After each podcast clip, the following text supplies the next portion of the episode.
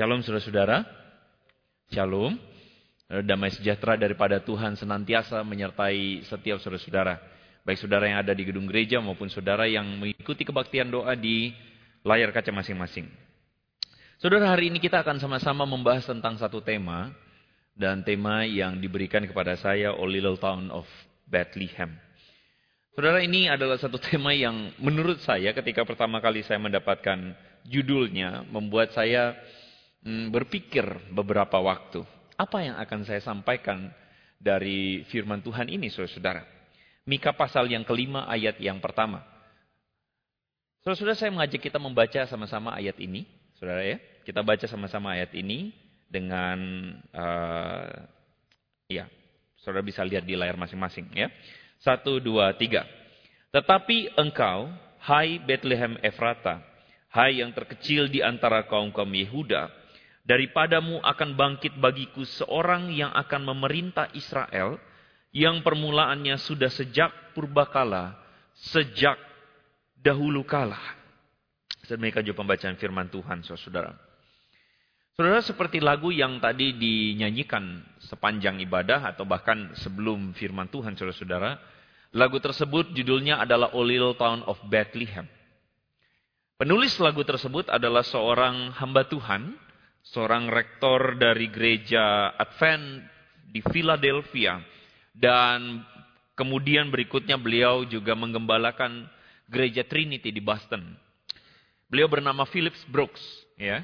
Dan dia menuliskan lagu A Little Town of Bethlehem di tahun 1868 tepat saudara-saudara ketika beliau sedang duduk di sebuah kursi kecil saudara-saudara di depan gereja Church of Nativity di Bethlehem.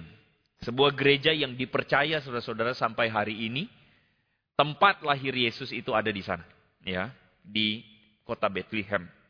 Saudara seorang Phillips Brooks ini kemudian memikirkan, merenungkan di malam Natal tersebut. Dia duduk sendiri dengan keheningan. Dan kemudian dia menuliskan lirik dari lagu O Little Town of Bethlehem ini. Sambil kemudian dia memberikan sebuah catatan kaki, saudara. Di catatan kaki dari lagu tersebut dia menuliskan begini. Kelahiran Yesus itu adalah sebuah peristiwa dunia. Saudara kalau ngomong peristiwa dunia itu maksudnya seorang uh, Pastor Phillips ini adalah ini adalah sebuah kejadian yang sifatnya atau levelnya itu dunia. Bukan kejadian yang biasa-biasa saja. Lalu dia mengatakan kelahiran Yesus itu peristiwa dunia tetapi ini adalah peristiwa yang paling sepi dan tidak tersorot oleh hingar-bingar dunia. Peristiwa yang paling sepi dan tidak tersorot. Tentu saudara-saudara hari itu Phillips Brooks kemudian mencoba untuk me meniti momen-momen kejadian kelahiran Yesus di malam di mana Yesus lahir tersebut. Dan di situ dia mengambil kesimpulan ini kelahiran peristiwa dunia yang kemudian mengubah dunia, tetapi ironisnya ini peristiwa yang paling sepi, yang tidak tersorot oleh perhatian dunia, saudara-saudara. Saudara, saya kira saya memulai perenungan firman Tuhan dengan tulisan dari seorang hamba Tuhan yang menuliskan lagu yang kita nyanyikan tadi. Untuk menunjukkan kepada kita dan saya pikir kita semua setuju bahwa Tuhan kita adalah Tuhan yang lahir di dalam kesederhanaan. Tuhan kita adalah Tuhan yang lahir di dalam kesederhanaan sekali. Sampai-sampai saudara-saudara, seorang raja lahir dan kemudian diletakkan di dalam palungan. Tempat yang sangat tidak layak untuk bahkan seorang manusia lahir di sana. Tetapi raja, segala raja Raja alam semesta ini, Tuhan yang kita tinggikan itu, memilih untuk lahir dan diletakkan di palungan. Berita ini adalah berita tentang Tuhan yang lahir dalam kesederhanaan. Saudara, ketika saya mengatakan hal tersebut, saudara-saudara, atau saya mengatakan hal ini, berapa banyak dari saudara yang kemudian dalam hatinya merasa, yes, amin, saya setuju, benar, tapi saya juga yakin ada sebagian di antara kita yang kemudian merasa, biasa-biasa aja. Merasa biasa-biasa aja seakan-akan kita mengatakan, well itu saya sudah tahu, saya sudah familiar dengan kata itu, bahkan sejak kecil, sejak sekolah minggu saya sudah pernah mendengar guru sekolah minggu saya atau pendeta saya mengatakan, ya Tuhan kita lahir di tempat yang rendah, Tuhan kita lahir dengan sederhana, dan that's it. Jadi maksudnya hari ini Pak Andre mau ngomong apa tentang itu? Mungkin kalau kita boleh ngomong saudara-saudara. Mungkin sebagian dari kita kemudian kemu mulai menguap saudara-saudara karena ya itu pun saya sudah dengar, saya sudah tahu. Dan maaf kata mungkin juga ada di antara kita yang sudah mulai bosan dengan berita ini. Kita mulai bosan dengan berita bahwa Tuhan itu lahir di dalam kesederhanaan.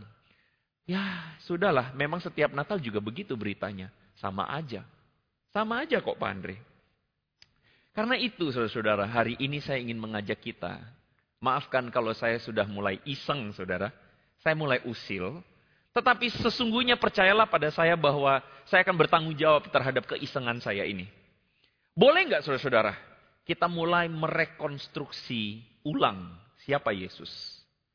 Boleh nggak saudara-saudara? Saya mengajak saudara merekonstruksi ulang tentang kisah Yesus ini. Boleh nggak saudara-saudara? Saya mengajak saudara merekonstruksi kelahiran Yesus yang tadinya dalam kesederhanaan dan mungkin bagi sebagian orang terasa Apalagi saudara sudah berpuluh-puluh tahun menjadi Kristen, saudara merasa bosan dengan kisah kesederhanaan itu. Kita rekonstruksi ulang, bisa saudara-saudara? Boleh? Pak, maksudnya apa rekonstruksi ulang? Kita berandai-andai. Mari kita berandai-andai. Kalau misalnya Yesus, kisahnya kita ubah sedikit. Bukan lagi Yesus yang lahir di palungan, atau lahir dan diletakkan di palungan. Tetapi Yesus yang yang kita katakan sebagai Tuhan itu adalah Yesus yang berbeda Yesus yang lain. Yesus yang, kalau boleh bilang, karena dia raja, dia adalah raja yang lahir di istana. Boleh nggak saudara-saudara? Tenang, ini saya usil ya.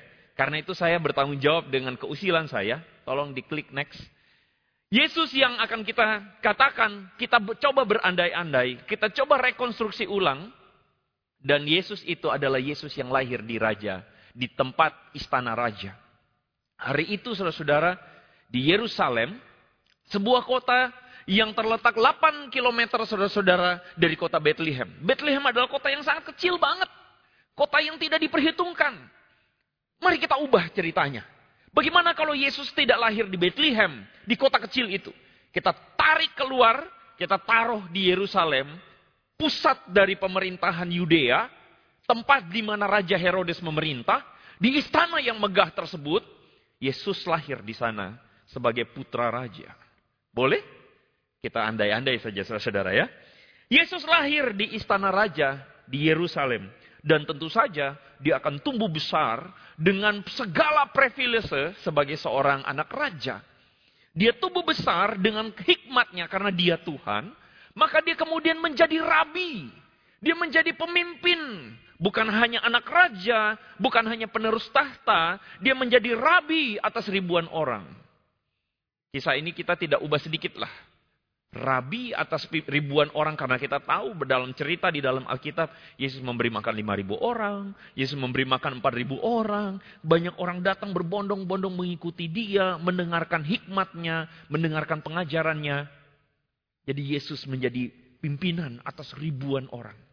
Dan karena Yesus menjadi pimpinan atas ribuan orang, selain itu dia juga adalah Mesias. Ketika dia transfigurasi di atas bukit, saudara-saudara, ada Musa dan Elia yang bersaksi tentang dia. Dan banyak orang atau murid-muridnya waktu itu, saudara melihat, wow, ternyata Yesus yang kita ikuti bukan hanya seorang putra raja, bukan hanya seorang rabi, tapi ternyata dia adalah sang anak Allah itu sendiri. Kemudian saudara-saudara dengan tanda-tanda hebat, dia mencelikan mata orang buta. Dia membuat orang yang tuli mendengar. Dia membuat yang bisu berbicara. Dia membangkitkan atau dia membuat orang yang lumpuh berjalan. Membangkitkan yang mati. Meneduhkan angin badai saudara-saudara. Bahkan dia mengusir kuasa setan. Dia melakukan segala hal. Dan semua orang berbondong-bondong mengikut dia. Dengan tanda-tanda yang hebat itu. Dan Yesus tidak pernah mengatakan untuk memikul salib. Oh tidak. Karena dia memang lahir di istana raja. Dalam segala kemewahan, dalam segala kegagahan. Dia cuma katakan, come, follow me, ikut aku. Mari jadikan aku pemimpin, saudara-saudara. Dan kemudian Yesus menjadi seorang pemimpin perang. Dia adalah seorang yang, mohon di next. Dia adalah seorang yang kemudian memimpin perang, seorang yang kemudian memimpin gerakan karena dia adalah tadinya penerus tahta Herodes, saudara-saudara. Kemudian dia memimpin perang, lalu kemudian dia memberontak terhadap Romawi. Tolong di next. Dia memimpin perang terhadap Romawi, saudara-saudara. Dan kemudian Yesus dengan mudahnya memanggil kawanan, saudara-saudara, malaikat-malaikat di sorga turun berperang dengan dia. Dan kemudian dia merebut seluruh tah, merebut seluruh kekuasaan Romawi. Dan akhirnya Israel menjadi Israel yang merdeka, saudara-saudara. Melebihi apa yang terjadi pada Daud. Kalau saudara baca tulisan atau catatan bagaimana Daud itu menjadi raja, tidak pernah dia kalah perang. Yesus lebih dari itu, dia punya potensi untuk membuat malaikat berperang bagi dia. Semua orang takluk di dalam atau di bawah kakinya. Next. Singkat cerita saudara-saudara, yang saya ingin coba rekonstruksi adalah Yesus sang raja Israel. Tetapi dalam pemikiran bukan seperti raja yang tadi lemah itu saudara-saudara. Tetapi raja yang begitu perkasa, begitu kuat, mengalahkan semua musuhnya. Kalau Yesus adalah raja yang sukses. Sekali lagi ini masih berandai-andai. Jika Yesus adalah raja yang sukses, dia akan membunuh semua musuh yang melawannya. Ahli Taurat, orang Farisi, dia bunuh semua saudara-saudara. Siapa lagi?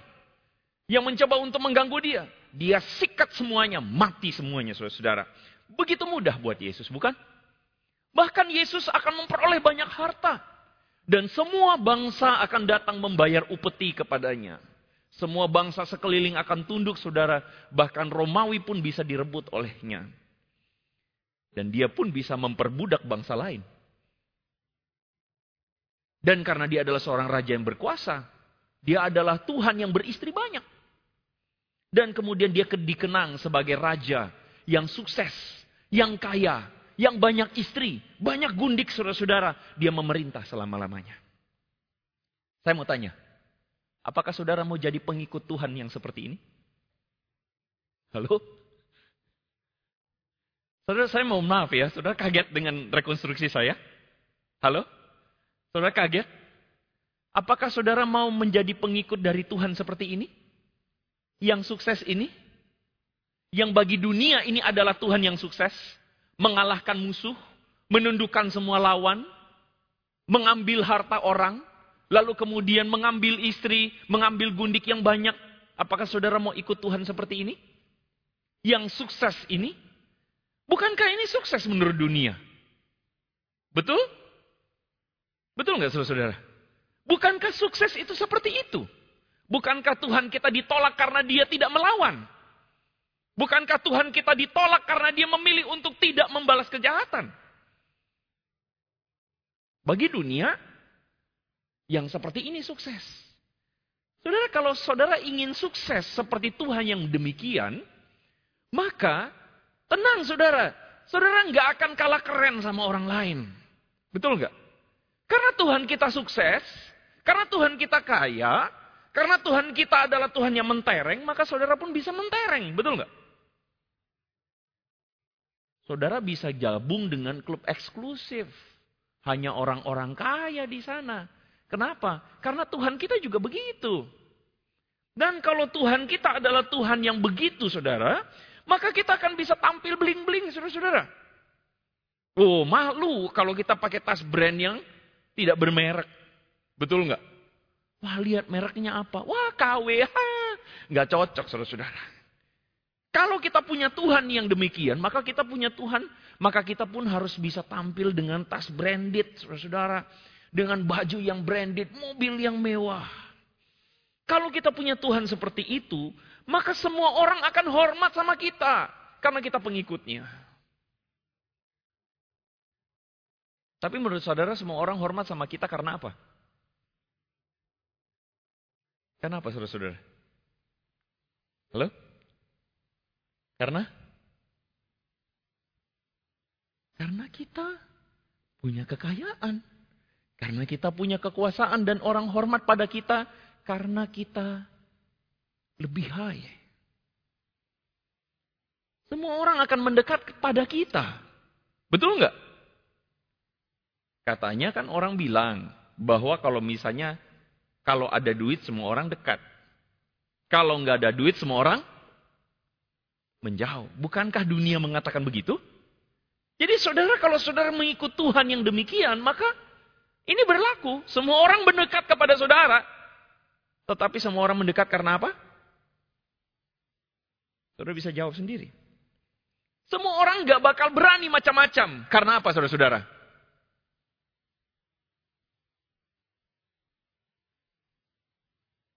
Saudara, kalau kita sukses seperti Yesus yang demikian, maka bagaimana cara kita memilih teman? Menurut saudara kita akan pilih teman kayak bagaimana? Halo? Bagaimana cara kita pilih teman? Berdasarkan yang kaya, yang selevel, betul nggak? Bahkan harus yang levelnya lebih tinggi. Karena kita menyembah Tuhan yang begitu.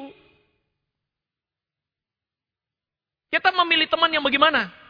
Memilih teman yang bisa mendatangkan benefit buat kita. Kita akan pilih teman yang mendatangkan keuntungan buat kita. Kalau kita mentuhankan Tuhan yang seperti itu, bagaimana kita memperlakukan orang lain, saudara-saudara? Bagaimana? Ya suka-suka lah. Karena kita punya kuasa kan? Karena kita punya kuasa, macam-macam. Kita sikat, kita kick. Macam-macam. Kita hantam saudara-saudara. Kenapa? Kita punya kuasa. Karena Yesus Tuhan kita juga sukses seperti itu. Dia mengalahkan semua musuhnya. Ada yang berlawanan, hantam balik, saudara-saudara. Betul nggak? Kalau kita punya Tuhan seperti itu, bagaimana kita, saudara-saudara, menyikapi Tolong, ya. Bagaimana kalau kita tidak diperlakukan dengan hormat? Kalau kita tidak dihormati, apa yang kita lakukan? Apa saudara? Hantam, tikam dia.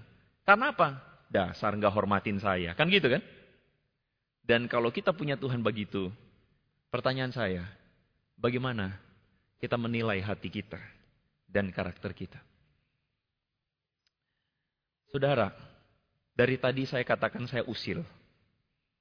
Sekali lagi saya usil. Mohon maaf. Yesus yang saya beritakan adalah bukan Yesus yang diberitakan di Alkitab. Saya ulang ya. Yesus yang tadi saya katakan atau saya rekonstruksi bukan Yesus yang diberitakan di Alkitab. Tetapi saudara bisa bayangkan tidak? Bagaimana jika kualitas hati dan karakter kita itu menuhankan Tuhan yang demikian, yang sukses menurut standar dunia. Tuhan yang lahir bukan di palungan, tetapi Tuhan yang lahir di tahta istana. Tuhan yang kemudian dengan segala kuasanya, dia sikat semua orang yang tidak setuju dengan dia. Bagaimana jika kita menuhankan Tuhan yang demikian? Yang arogan, yang menilai kesuksesan berdasarkan kekayaan, menilai kesuksesan berdasarkan segala keagungan, menilai kesuksesan berdasarkan kuasa, mengalahkan orang, dan sebagainya. Saudara bisa bayangkan tidak? Bagaimana jika Tuhan kita demikian? Kualitas hati, kualitas karakter kita akan menjadi begitu arogannya, menjadi sombongnya luar biasa. Kita akan menilai orang berdasarkan apa yang dia pakai, berapa harga bajunya, seberapa mewah mobilnya, seberapa besar rumahnya. Kita akan memperlakukan orang yang tidak cocok dengan kita dengan cara sikat saja. Dengan kekuasaan kita punya koneksi, hantam dia. Saudara bisa bayangkan tidak? Bagaimana jika Tuhan itu lahir di dalam tempat yang bukan rina, tetapi tempat yang tinggi. Karena banyak orang hari ini berpikir Tuhan itu aneh. Kenapa dia harus lahir di tempat yang paling rendah? Kenapa dia harus lahir di tempat yang paling hina? Kenapa dia mesti berada di tempat yang sepi, tidak ada hingar-bingar? Kenapa sampai berita kelahirannya diberitakan kepada gembala? Kelompok atau kaum yang paling kotor, yang tidak diperhitungkan. Kenapa sampai berita sukacita sampai kepada gembala? Kenapa bukan sampai kepada para pembesar? Kenapa bukan sampai kepada orang-orang yang terhormat? Bukan kepada ahli Taurat?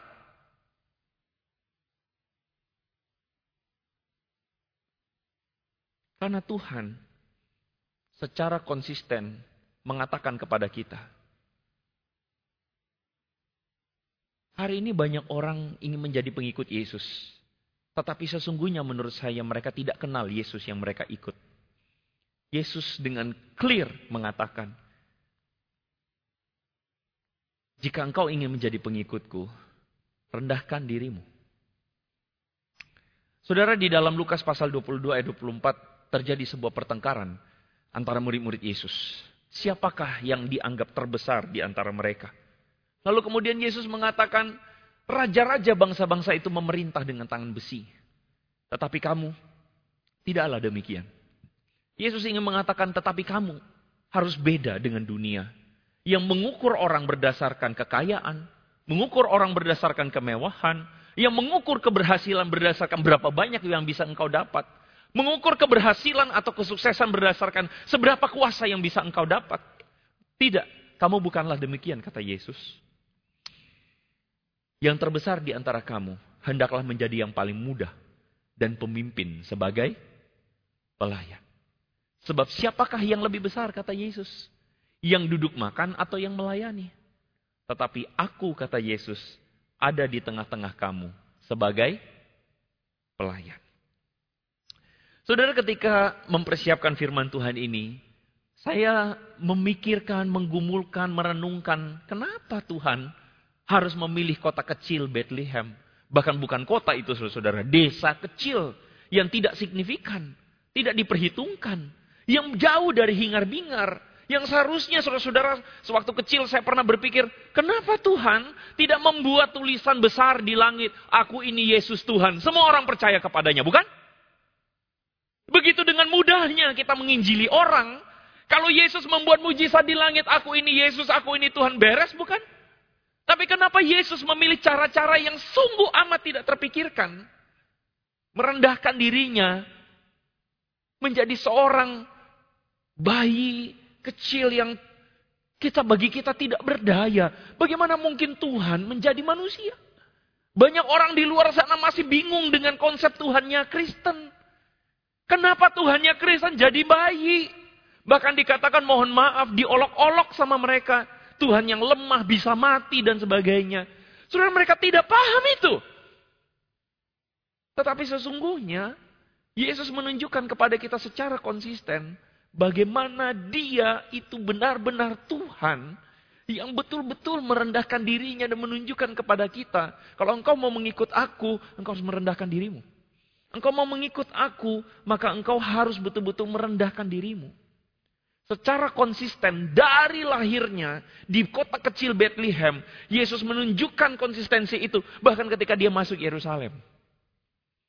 Di Minggu Palma, saudara-saudara, kalau kita merayakan Yesus yang masuk ke kota Yerusalem, saudara jangan lupa, waktu itu orang-orang menyambut dia dengan daun palma, dan kemudian dia orang-orang mengatakan, terpujilah dia yang datang di dalam nama Tuhan, anak Daud. Mereka menyambut dia sebagai seorang Mesias. Yang di dalam bayangan mereka, Mesias ini akan berperang untuk kita. Tapi kalau sudah perhatikan Yesus masuk ke kota Yerusalem dengan mengendarai seekor keledai. Saudara di mana-mana raja itu masuk dalam sebuah kota itu tidak mengendarai keledai. Di mana-mana seorang raja, kaisar, panglima perang, orang yang gagah perkasa masuk kota harus pakai kuda, saudara-saudara. Karena kuda itu adalah lambang kekuatan, lambang kebangsawanan. Keledai itu adalah lambang masyarakat kecil, masyarakat yang tidak diperhitungkan. Saudara, dalam budaya zaman dulu ada yang namanya kursus honorum. Itu adalah peristiwa pengarakan ketika seorang raja berhasil berperang atau seorang raja masuk sebuah kota, semua orang buka jalan saudara-saudara. Dengan daun palem mereka menyambut raja tersebut dan dia datang dengan kegagahan dengan mengenakan atau mengendarai kuda. Semua orang memuji dia. Makanya namanya kursus honorum. Jalan menuju apa? Menuju menuju apa ya? Menuju naik gitu loh saudara-saudara. Jalan kemuliaan. Tapi yang Yesus lakukan bukan kursus honorum, tetapi yang Yesus lakukan adalah kursus pudorum. Jalan kehinaan. Jalan menuju kehinaan, saudara-saudara. Konsisten Yesus melakukannya. Konsisten sekali Yesus melakukannya. Spiritual Yesus itu bergerak menuju ke bawah. Sedangkan zaman kita adalah zaman yang selalu menuju ke atas. Iya enggak saudara-saudara? Zaman kita adalah zaman yang selalu menuntut kita untuk menjadi yang paling tinggi. Dihormati orang. Kita senang kalau anak kita semua orang tunduk. Tetapi kadang-kadang saudara dunia membuat kita bias. Karena kita berpikir orang tunduk pada kita. Karena apa?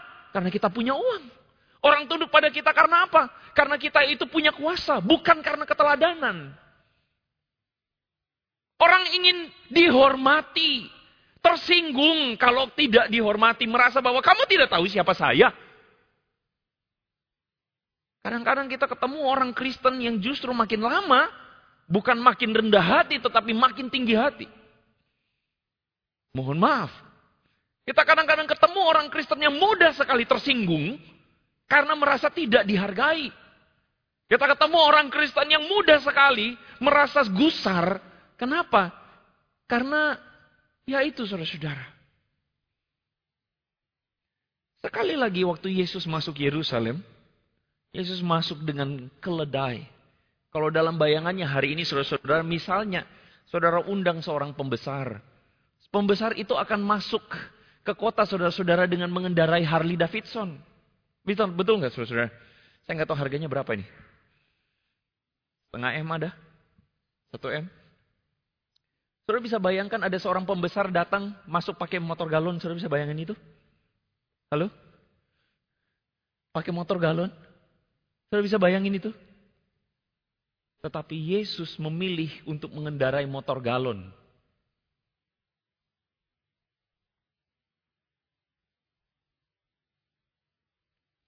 Tuhan macam apa itu? Raja macam apa itu? Yang merendahkan dirinya sampai segitunya.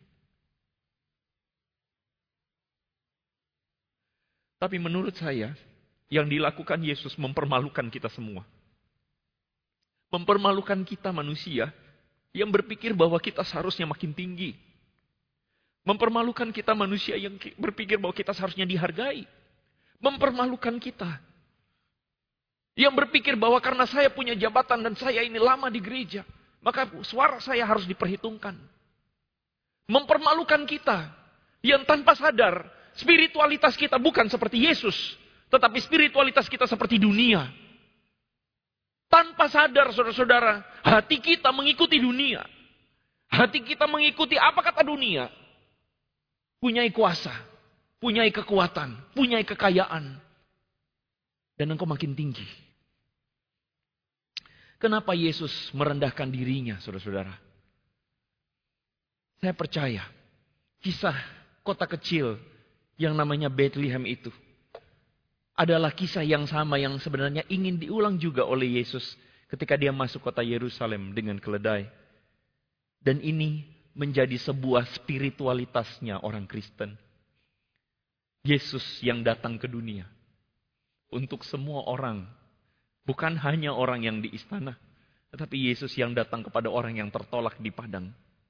Yesus datang kepada orang-orang yang tersisi, kepada orang-orang yang tidak bisa berkompetisi di dunia. Yesus datang menyatakan kasihnya. Dan itulah yang membuktikan bahwa dia itu Tuhan.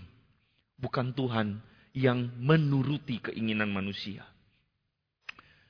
Spiritualitas inilah yang dikopi, ditiru, diikuti saudara-saudara oleh para murid. Diikuti oleh orang-orang Kristen abad mula-mula saudara-saudara.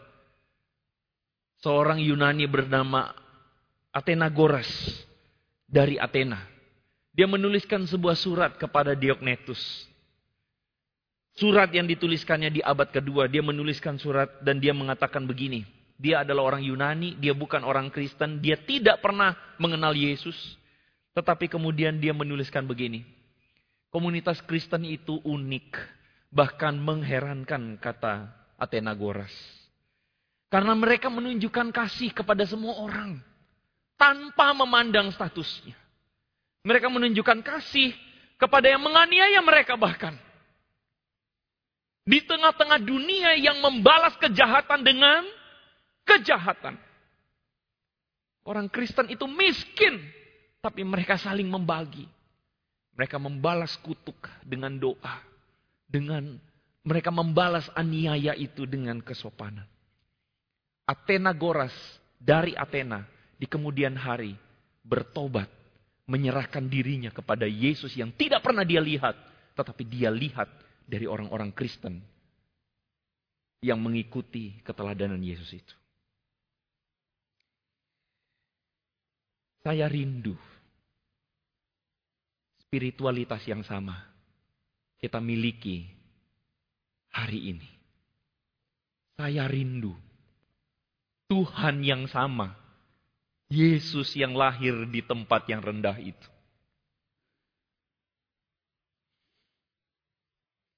Adalah Yesus yang kita layani. Yang kita ikuti sampai hari ini.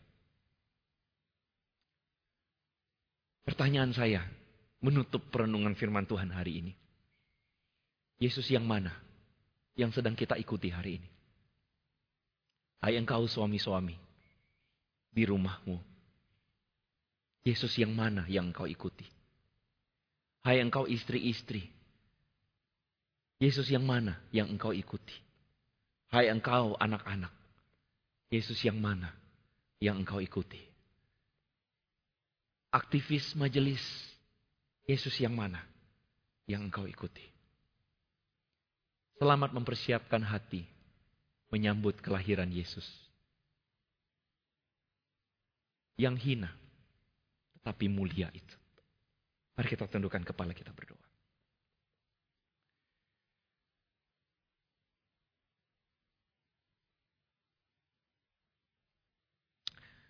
Di tengah dunia yang gelap, yang tidak bisa membedakan mana yang benar, mana yang salah.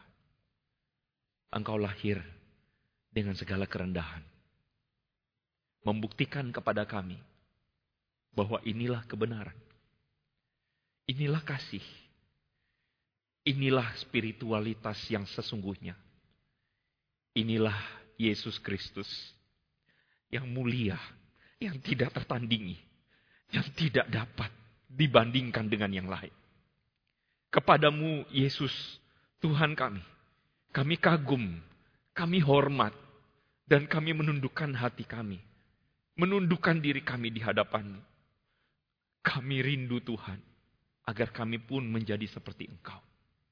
Ampuni segala dosa kesalahan kami. Kalau selama ini Tuhan kami bukan semakin menghamba, tapi kami semakin meninggi.